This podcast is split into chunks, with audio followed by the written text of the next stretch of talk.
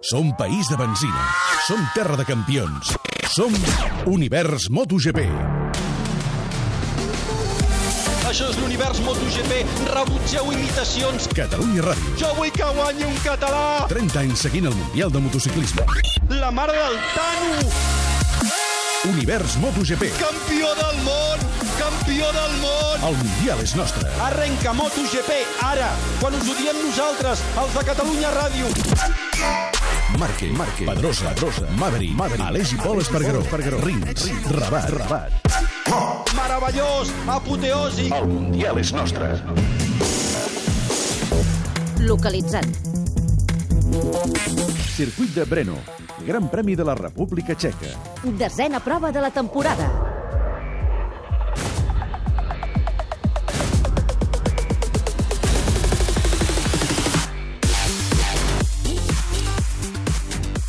Bon dia. Un dels grans de la història del motor ens ha deixat aquesta setmana. La vida d'Àngel Nieto va dir prou en un hospital d'Eivissa dijous passat després d'un accident de trànsit. Tenia 70 anys, ahir va ser incinerat i la família prepara pel setembre un gran homenatge a Madrid. El pilot dels 12 més un títols és un dels referents de capçalera del motociclisme mundial.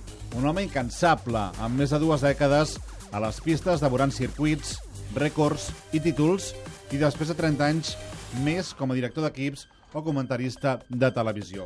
És un dels pioners i un dels més grans. El món del motor el recordarà sempre.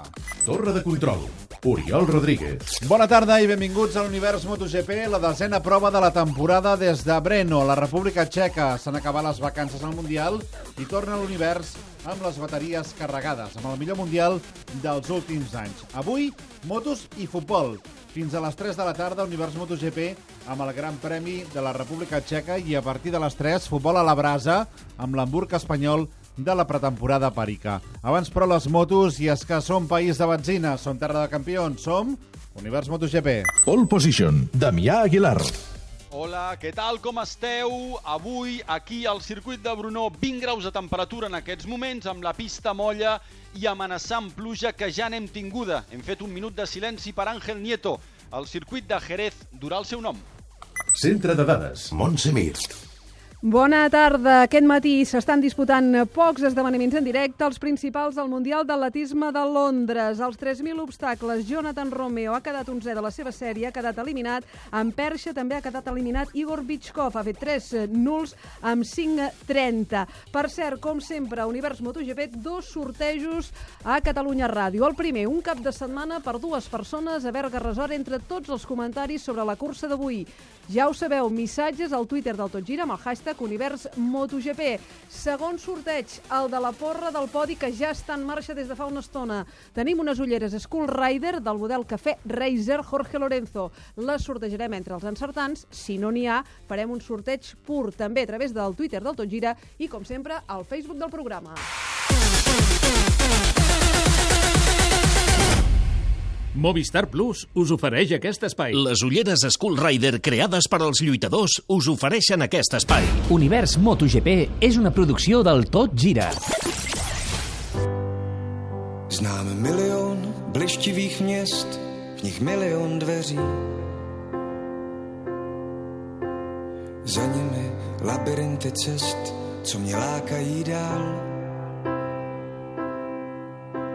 A nad tím vším ještě víc hvězd, chceš, ať mě střeží. Abych se nestratil, abych se nenachytal. Protože ty a já jsme... Passen 4 minuts de dos quarts de dues de migdia. Benvinguts tots a l'Univers MotoGP mentre escoltem aquesta música de, de l'Ero Ramazzotti de, de la República Txeca. Ens la posa el Roger, el nostre tècnic.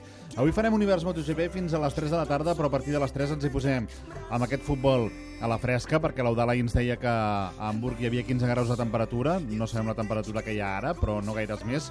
Però aquí a Catalunya ho haurem de titular com a futbol a la brasa, perquè continua fent molta molta calor. Amb aquesta transmissió de l'Hamburg espanyol de la pretemporada Perica, amb l'Eudal des d'Hamburg, però abans, evidentment, Univers MotoGP des de la República Txeca. Damià Aguilar, bona tarda. Bona tarda. Com estàs? Molt bé. Com han anat les vacances? Eh, bastant bé. Molt bé. Uh, escolta'm, què veus ara mateix? Quin temps fa? Com, què, què n'esperem de tot plegat avui? Aviam, la cursa de Moto2 s'ha hagut de parar per bandera vermella. De fet, hem tingut de tot, perquè Moto3 ha començat amb la pista molla i ha acabat amb la pista seca. Moto2 ha començat amb la pista seca i ha acabat amb la, amb la pista molla, i a més a més amb, amb bandera vermella pel mig. Ara mateix comença tot just a, a fer-se la, la graella. Des de la meva posició tinc just al final de la graella de MotoGP i el podi tot just també al davant, núvols, eh, amenaça de pluja, és el que hem tingut i no hem de descartar que n'hi hagi durant aquesta cursa.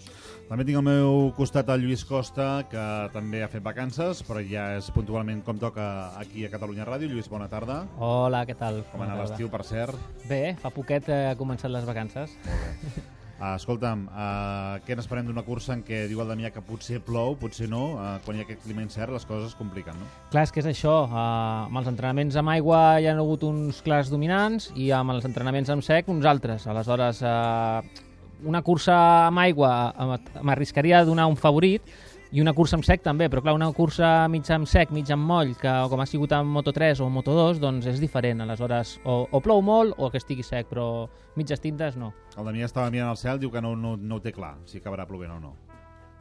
Bé, de fet està, està tapat, que és com ha estat tot el dia, i aleshores eh, estones plou i estones no plou. És... Aviam, recordeu que l'any passat vam tenir aquí una cursa bastant interessant, guanyada per Cal Cratchlow, en la qual hi va haver un flag to flag, eh, canvi de moto, i en el qual, a més a més, els pneumàtics de pluja, en aquest cas, van decidir, sobretot en el cas de, de Cratchlow, que va fer la bona elecció i que ens, jo recordo que ens va acabar reconeixent que havia estat jugant amb els rivals. Comencem avui aquesta segona part del Mundial després de l'aturada per vacances d'un mes i estarem tots d'acord que és el Mundial més disputat de, dels últims anys. change Montse, tu tens la classificació, com van les coses? Diríem que el titular seria 5 candidats per un títol, el que defensa Marc Márquez i que a més a més lidera el Mundial ara mateix. Té 129 punts, 5 més que Maverick Viñales, 6 més que Andrea Dovizioso. Valentino Rossi és quart amb 119 i Dani Pedrosa cinquè amb 103, menys 25, per tant. De tots ells, el que més triomf ha sumat en aquesta temporada és el pistoler de Roses, tres victòries, Qatar, Argentina i França. Márquez i Dovi s'han adjudicat dues curses cadascun. Márquez, Estats Units i Alemanya, Dovizioso, Itàlia i Catalunya, mentre que tant Rossi com Pedrosa han estat primers una vegada aquesta temporada. L'italià, recordem-ho, va guanyar el Gran Premi d'Holanda, el català es va imposar a Jerez. Avui, amb la d'avui, queden nou curses fins que s'acabi el Mundial. Dues són aquest mateix mes. La setmana que ve a Àustria, el dia 27 d'aquest mes, a finals d'agost, a Silverstone, Gran Premi de la Gran Bretanya. L'any passat Márquez va finiquitar el títol quan encara faltaven quatre curses pel final. Damià Lluís, la cosa pinta a xest, eh, aquesta temporada. En una última cursa veurem amb quants, amb quants pilots. Per qui, per qui aposteu vosaltres?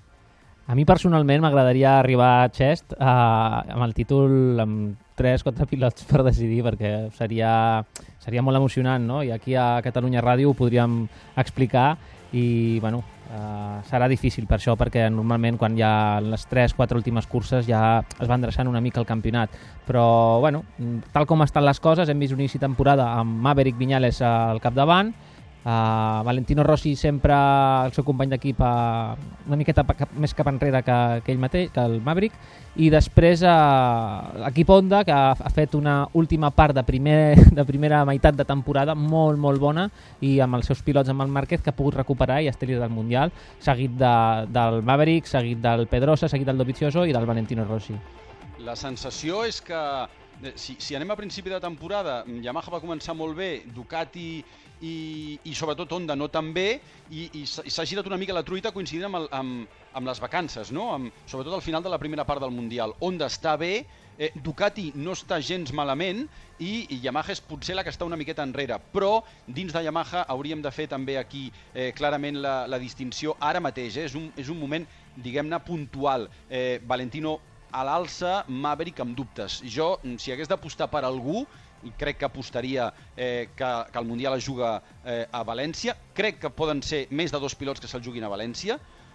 No, no te'n diré un, te'n diré dos, dels que jo veig claríssim que arribaran a València jugant-se el títol. Un és Márquez i l'altre és Rossi. Márquez, Rossi, veurem si Dovizioso o Viñales també s'uneixen a, a la lluita. Jo aposto per Márquez, per la seva experiència, perquè la moto no acaba d'anar del tot bé, però ell és líder del Mundial i, per tant, per poc que millorin les coses, doncs pot fer coses in interessants. Per cert, eh, què han fet els pilots durant aquest mes de, de vacances? Damià, són vacances realment o com, com han anat? No, sí, aviam, eh, pensa que, que vam plegar la, el primer cap de setmana de juliol i, i tothom tenia moltes ganes d'agafar-se vacances, ells més que ningú, està clar, i, i ells també ho necessiten perquè la tensió és màxima. Normalment s'agafen uns 7 dies de vacances, d'aquells de, de no fer res, i a més a més, com ens ho expliquen en xarxes socials, doncs, doncs anem veient si, si van a fer... Vaja, normalment van, a, van tots a, a prendre el sol i a remullar-se allà on hi hagi aigua. Com molta gent que ara ens està escoltant també des de les platges catalanes, eh, al hashtag Univers MotoGP podeu dir la vostra, eh, si esteu perfectament prenent el sol a, amb la tovallola o també ens podeu enviar una fotografia des d'on sou ara mateix a Univers MotoGP, ens fareu una mica d'enveja Ara nosaltres tenim aire condicionat aquí, per tant, no patim la calor que esteu patint vosaltres a, a les platges. Amb els vostres comentaris, amb aquest hashtag, entrareu al sorteig eh, d'un cap de setmana per dues persones al Berga Resort. Ja ho han fet, per exemple, el Marc Pablos, que diu a través de Twitter és un gran premi per dedicar a un mite del motociclisme, Ángel Nieto, també l'Arnau, que aposta per Márquez. Diu, té moltes opcions per ser primer. La segona sortida en moll li ha anat de perles. El Tot Gira està de vacances, tornarà dissabte 19 d'agost amb la primera jornada de Lliga. Aquest gran premi, evidentment, està marcat per la mort d'Àngel Nieto, eh, sense cap mena de dubte, amb reaccions a, al paddock que aquests dies. Damià, avui s'ha fet aquest uh, minut de silenci durant, uh, després del warm-up i la gent, clar, un cap de setmana en què, evidentment, els pilots estan molt tristos. Sí, la veritat és que s'ha notat, notat moltíssim. Eh, hi havia, sobretot, tots els, els espanyols en general, no? han tingut sempre moltíssima relació. Nieto, però no només ells, també els italians, i de fet fins i tot Valentino Rossi, que era bastant molt, molt, molt amic d'Àngel Nieto, entre altres perquè, mira, doncs, eh, Pablo Nieto, el segon fill d'Àngel Nieto, és director de l'equip de Moto3 de Valentino Rossi, per tant, fins aquí arriba tot plegat. Hi ha hagut aquest minut de silenci i hem sabut avui eh, que l'alcaldia de Jerez proposa que el circuit porti el nom d'Àngel Nieto. Eh, ho proposarà, ho hem de dir així en, en, en futur, però vaja, no crec que hi hagi ningú del circuit de Jerez que es pugui negar a, a una cosa com aquesta. Una bona iniciativa per part de Jerez, que porti el nom de, del circuit per part d'aquest pilot, que Montse va, vaja, el pioner de, de la motociclisme a casa nostra. Probablement ara nosaltres no seríem aquí, vés a saber, eh? com haurien les coses sense la presència d'aquest home en el món del motor. Home, és un d'aquells pioners que, a més a més de l'esport espanyol, que, que va lluitar per ser reconegut en una època més precària que, que la que estem vivint actualment, no només nosaltres, sinó també els pilots. Tenia 70 anys, tres fills, ara feia referència al Damià a un, al Gelete, també té un altre, un parell de fills més, Pablo i Hugo, dos primers van ser precisament el Gelete Nieto i el Pablo, expilots eh, del Mundial.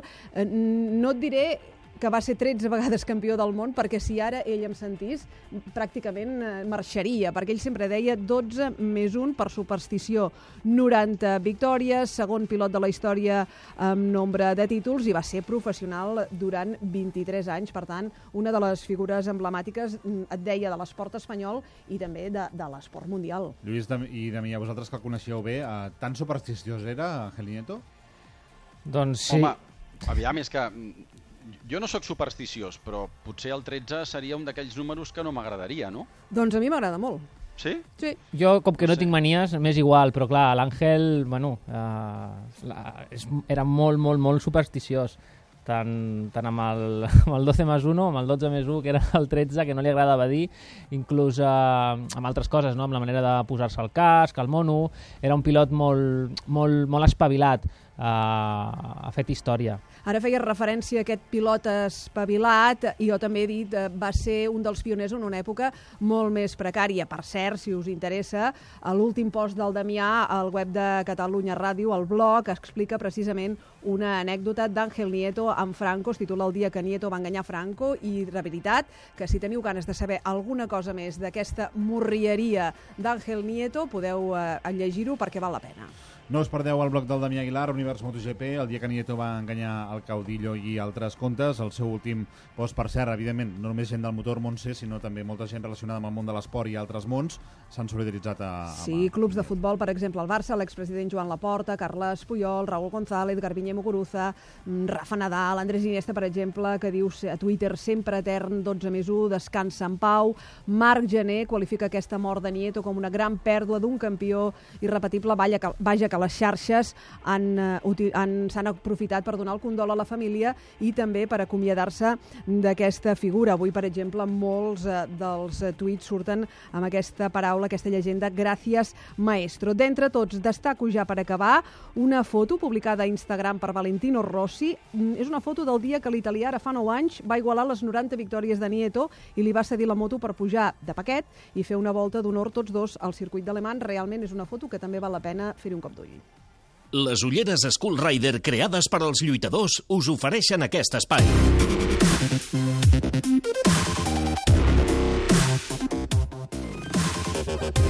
Aquestes ulleres les podeu guanyar, aneu a la platja, us feu una mica els xulos amb aquestes ulleres Skull Rider i a banda us taparan eh, el sol i podreu estar a la mar de bé prenent eh, la fresca, en cas que la faci. Uh, quina és la nostra porra del podi? Mm, la meva, per exemple? La teva també si la vols dir, però sobretot la, la, la dels oients que La dels oients aposten clarament per Marc Márquez, la majoria, per exemple, doncs l'Albert Lázaro diu Márquez, Dovizioso Pedrosa, Xavi Ayala, Márquez, Rossi, Viñales, Jordi Sala, Márquez, Dovizioso, Rossi, es barregen tots aquests noms, però en la primera posició pràcticament tots els oients eh, que fan aquests eh, tuits eh, per aconseguir les ulleres ho fan amb Márquez com a guanyador de la cursa d'avui. Va, Lluís i Damià, porra, jo també la faré i la Montse també, va. No, jo crec que guanya Márquez. Jo posaria Pedrosa segon i Rossi tercer. Uh, tu, sisplau, Oriol. Mira, Dovizioso, Márquez... Sempre apostes pel Dovi, tu, Bueno, eh? i, doncs mira, últimament l'estic encertant bastant. Dovizioso, Márquez, Rossi. Jo avui aposto per Rossi, Márquez, eh, Dovizioso. Falto jo, no? Sí. Doncs jo faig Rossi, Márquez, Pedrosa. Molt bé. Aquesta és la porra que hem fet aquí. Veurem si els oients també l'encerten i se'n poden emportar aquestes ulleres. Ja us dic que últimament no hi ha qui encerti la porra de, de, de l'univers MotoGP. T'agrada la velocitat i també ets fanàtic del vintage? Aleshores, l'esprit de les Café Racer de Jorge Lorenzo, dissenyades per Skull Rider, t'encantarà. I encara una cosa millor, pots aconseguir-les gratis si encertes el podi del Gran Premi de la República Txeca. skullridering.com Uh, res, d'aquí 13 minuts comença aquesta cursa de l'univers MotoGP, aquesta cursa de MotoGP, de seguida repassarem la grella de sortida, però abans, Montse, Moto2 i Moto3, com han anat la, les curses? Moto3 ha guanyat Joan Mir, sisena victòria de la temporada, segon lloc per Romano Fenati i tercer Aaron Canet. Al Mundial Mir manté lideratge amb 42 punts més que Fenati. Mir en té 190, Fenati 148, el tercer és Canet amb 126. Pel que fa a Moto2, victòria de Thomas Luti, seguit d'Àlex Márquez i en tercer lloc avui Miguel Oliveira. Al Mundial de Moto2, Franco Morbidelli, que avui ha estat vuitè, manté el lideratge 181 punts, 20 més que Thomas Luti. Márquez puja a la tercera posició, puja un lloc, era quart, ara en té 133. Per Lluís- tant, està a 48 del líder. Lluís i Damià, com heu vist aquestes curses? Bueno. Home, jo, jo, jo he vist Mir amb un, amb un domini de la situació brutal, perquè Fenati l'estava estava esperant el moment per robar-li la, la, la cartera i faltava, era la ziga-zaga final abans de la meta i Mir ha estat capaç de frenar més tard que l'italià i ha guanyat la cursa, són sis victòries, jo, jo crec que molt se li ha d'esgarrar aquest nano per ser campió del món. Avui eh, Joan Mir ha fet un pas endavant per proclamar-se campió del món 2018 de Moto3. Eh, el veig molt fort, aquest nano. Molt, molt, molt 2018 fort. també. Perdó, perdó, 2018 2017. el veig molt fort, eh, té les idees molt clares, porta un molt bon equip, està molt en forma i l'únic rival que en aquest campionat és, eh, per mi és Fenati i Fenati no, no ha tingut res a fer. Uh, destacar també la, el, el paper de l'Albert Arenas, que ha fet una cursa molt bona, sortia al 20 i pico i ha acabat amb dotzena posició. Sí, és el seu millor resultat al, al Mundial. De fet, ha sumat més punts que en, tota, que en tota la temporada abans, que a més a més es sortia d'una lesió. I en Moto2 la cursa s'ha hagut de parar, com hem dit abans, per bandera vermella perquè ha plogut, i en la represa alguna cosa li ha passat a Morbidelli, però s'han anat cap enrere, mentre que Luti i Àlex Márquez han marxat. El suís ha estat eh, més, més potent, però Àlex Márquez ha tornat a, a pujar al podi. Jo destacaria la cinquena posició del Xavi Vierge, que és un d'aquests pilots catalans que el tenim aquí i no en parlem mai perquè moltes vegades són tants que no en tenim temps, però el Xavi Vierge, que corre per un equip francès, l'any que ve canvia de marca i de moto i se'n va a córrer per un equip alemany dins també del, del Moto2 i està clar que l'Uti es posa a 17 punts de Morbidelli, que no està gens malament, i Àlex Márquez doncs, manté les seves opcions, retallant-li 12 punts a Morbidelli. És- És un, bon, és un bon cap de setmana per ell. La graella de sortida. Tercera fila.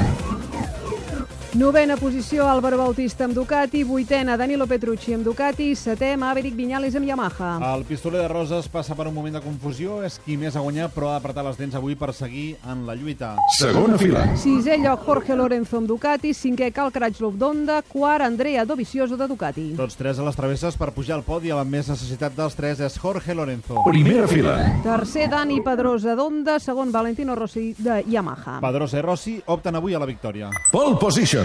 Marc Márquez, Honda. El campió va dedicar la seva pol 69 a Nicky Hayden, que duia el dorsal 69, i si guanya vol dedicar també la victòria a la memòria d'Àngel Nieto. El seient del darrere. 11è, Aleix Espargaró Aprilia. 13è, Alex Rins de Suzuki. 16è, Héctor Barberà amb Ducati. 18è, Pol Espargaró amb KTM. 21è, Tito Rabat d'Honda. Fa un any a l'univers Semàfor. Jorge Lorenzo des de la pole position intentant mantenir la primera posició. Veig a Bradley Smith molt fort per fora. Marc Márquez que manté la segona. Bradley Smith que es fica tercer. Oh. Hi ha una Ducati quart. Cinquena posició per Valentino. La sisena és pel tro de la ciutat. Valentino passa a Dovi i Dovi li torna a Valentino. Pas per línia de meta. Creu a Lorenzo. Creu a Márquez amb volta ràpida. M'estic divertint moltíssim. Lorenzo Márquez. La diferència entre tots dos és de 485 mil·lèsimes. Maverick a terra. Tinc el plaer d'explicar-vos l'última volta des de República Txeca. Lorenzo ha creuat amb 3.8 sobre Márquez i Márquez amb 5.9 sobre Valentino. Aquest serà el podi, no passarà res. Janoni, el boig de la ciutat acabarà quart. Dovizioso i Pedrosa no ho sé. Ens hem de fixar amb Lorenzo, va, que ens hem d'aixecar. Va, l'hem de cantar, sí senyor, Jorge, va. Jorge, som-hi, som-hi, som-hi, som-hi. Guanya Jorge, guanya Lorenzo, guanya el martell. Guanya el martell Lorenzo. I hem de comptar un, dos, El dos. tres, Ha sortit el 3 avui. 4 segons. Quatre. Márquez, segona posició, mira enrere Márquez i veu Valentino. Trending GP.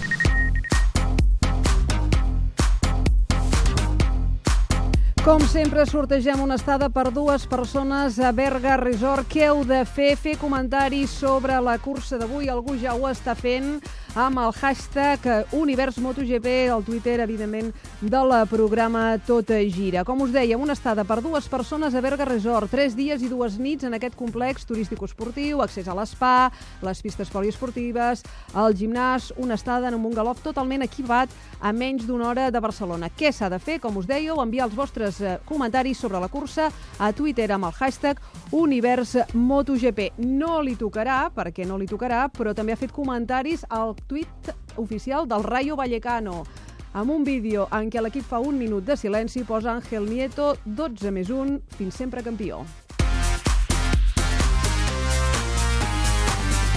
Has estat mai en un resort? Bé, al Berga Resort. Eh? On què? Si has estat mai al Berga Resort, on pots viure en un bungalow, entrar i sortir del Wellness Center, banyar-te i nedar en piscines per tots els gustos, disposar d'un servei fantàstic... Jo no, i tu? Sí, però junts serà diferent. Ah, i on és? A Berga, i anirem per la C16 i al quilòmetre 96 agafarem la sortida 95 Berga Sud i ja hi serem. Molt bé, i anirem tota la família.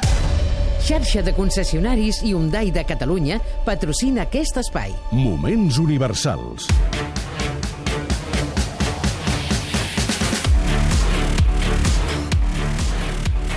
D'aquí 6 minuts arribarem a les dues del migdia. Avui un altre moment universal de la història del Mundial de Motociclisme. Aquest any us acostem la nostra fonoteca particular per celebrar els 30 anys que Catalunya Ràdio compleix seguint el Mundial. Ja sabeu que teniu a les llibreries el llibre a 300 per hora del Pere Flores i el Damià Aguilar. Un llibre per descobrir els orígens, per saber com era el Mundial anys enrere i com ha anat evolucionant. Avui el nostre moment universal ens porta a recordar la temporada 2001 amb l'eclusió de Toni Elias als 125 centímetres cúbics. Toni Elias ha disputat 228 curses al Mundial de Motociclisme entre el 1999 i el 2015, de les quals 35 a la categoria del vuitè de litre, els 125 centímetres cúbics.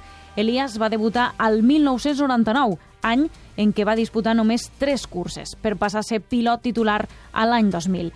No seria fins el 2001 quan va esclatar com a pilot dins de l'estructura que va formar l'expilot Alberto Puig amb el suport de Movistar i Honda. La temporada 2001, Toni Elias va lluitar pel Mundial de 125 amb una moto no oficial contra dos pilots oficials, com eren el sanmarinès Manuel Poggiali i el japonès Yoichi Ui. El manresà no va començar gaire bé. Li costa 4 curses fer podi i 7 sumar la primera victòria, que es produeix al mític Assen, un 30 de juny del 2001. Guanyar un circuit així pues, és molt important, no?, perquè és la catedral i, bueno, com diuen els estudiants, potser sí que m'he doctorat, eh? Aquella temporada Toni Elias havia de tirar de talent i agressivitat per poder fer front als seus rivals directes. A Donington Park realitza una de les seves millors actuacions, acabant segon darrere Ui i aspirant a tot. Mica en mica hem anat pujant, ara pues, estem segons, hem guanyat una altra posició, hem, hem recuperat eh, tres punts, i bueno, pues és important, no? però prefereixo seguir com sempre, carrera a carrera, centrar-me al màxim i, i al final del campionat ja veurem què passa.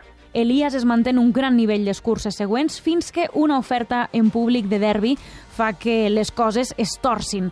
Arribant al Gran Premi del Japó i amb Elias al lideratge, ens assabentem que el pilot s'ha reunit amb responsables de l'aleshores marca catalana. La relació entre Alberto Puig i els Elias s'esgarre. El pilot no acaba la cursa japonesa i a la següent, Austràlia, acaba tercer darrere dels dos rivals i una setmana més tard, a Malàisia, el somni s'acaba. Alberto, pues, m'ha volgut felicitar perquè diu que he fet una, una gran temporada, que està molt orgullós de mi i, i jo l'únic que puc dir, pues, eh, estic molt orgullós d'ell. Toni Elias va deixar el 125 i la temporada següent va debutar als 250 centímetres cúbics.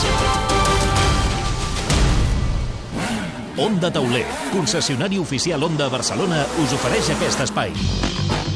Lluís Costa, la veu de l'asfalt.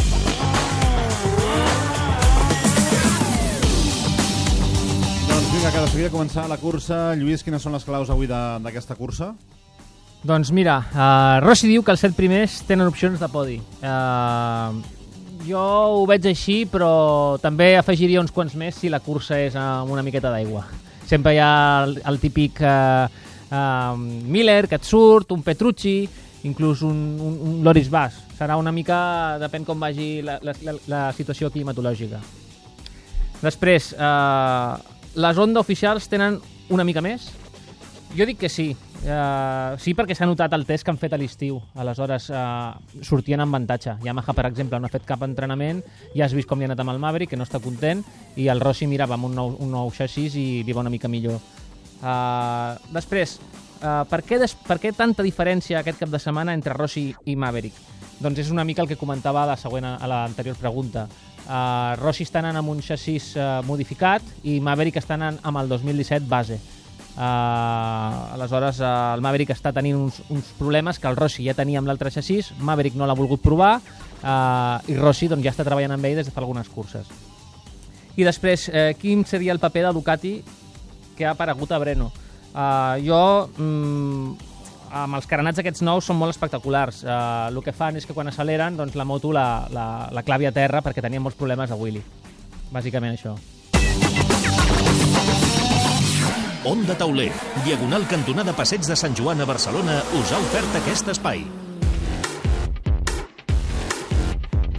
Per cert que el Damià el podeu tenir un altre record per l'Àngel Nieto de la mà del Jorge Martínez Espar a través del web de Catalunya Ràdio allà ho podeu trobar és a punt de començar aquesta cursa el warm-up, Montse, repassem la grella de sortida Surten des de la primera fila Marc Márquez amb la Pol, Valentino Rossi, Dani Pedrosa, de la segona Andrea Dovizioso, Cal Carachlo i Jorge Lorenzo, des de la tercera Maverick Viñales, Danilo Petrucci i Álvaro Bautista, líder del Mundial Marc Márquez amb 129 punts, 5 més que Maverick Viñales, 6 més que Andrea Dovizioso. Recordeu que podeu fer comentaris a la cursa al Twitter del Tot Gira. Amb el hashtag Univers MotoGP, entre tots sortegem una estada per dues persones a Berga Resort.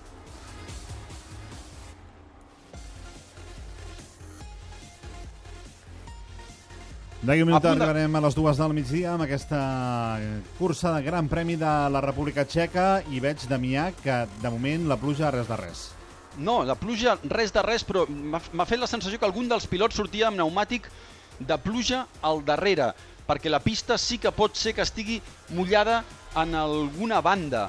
Eh, és, és una situació un pèl estranya. La cursa l'han declarada wet, és a dir, molla, Eh, bàsicament és un formalisme, perquè recordeu que aquí a MotoGP no s'atura, sinó que el que hi haurà és canvi de moto. Per tant, aquí cadascú decideix amb el que pugui sortir d'inici en aquesta cursa i a partir d'aquí, tal com evolucioni la, la, la situació, hi pot haver eh, algun canvi.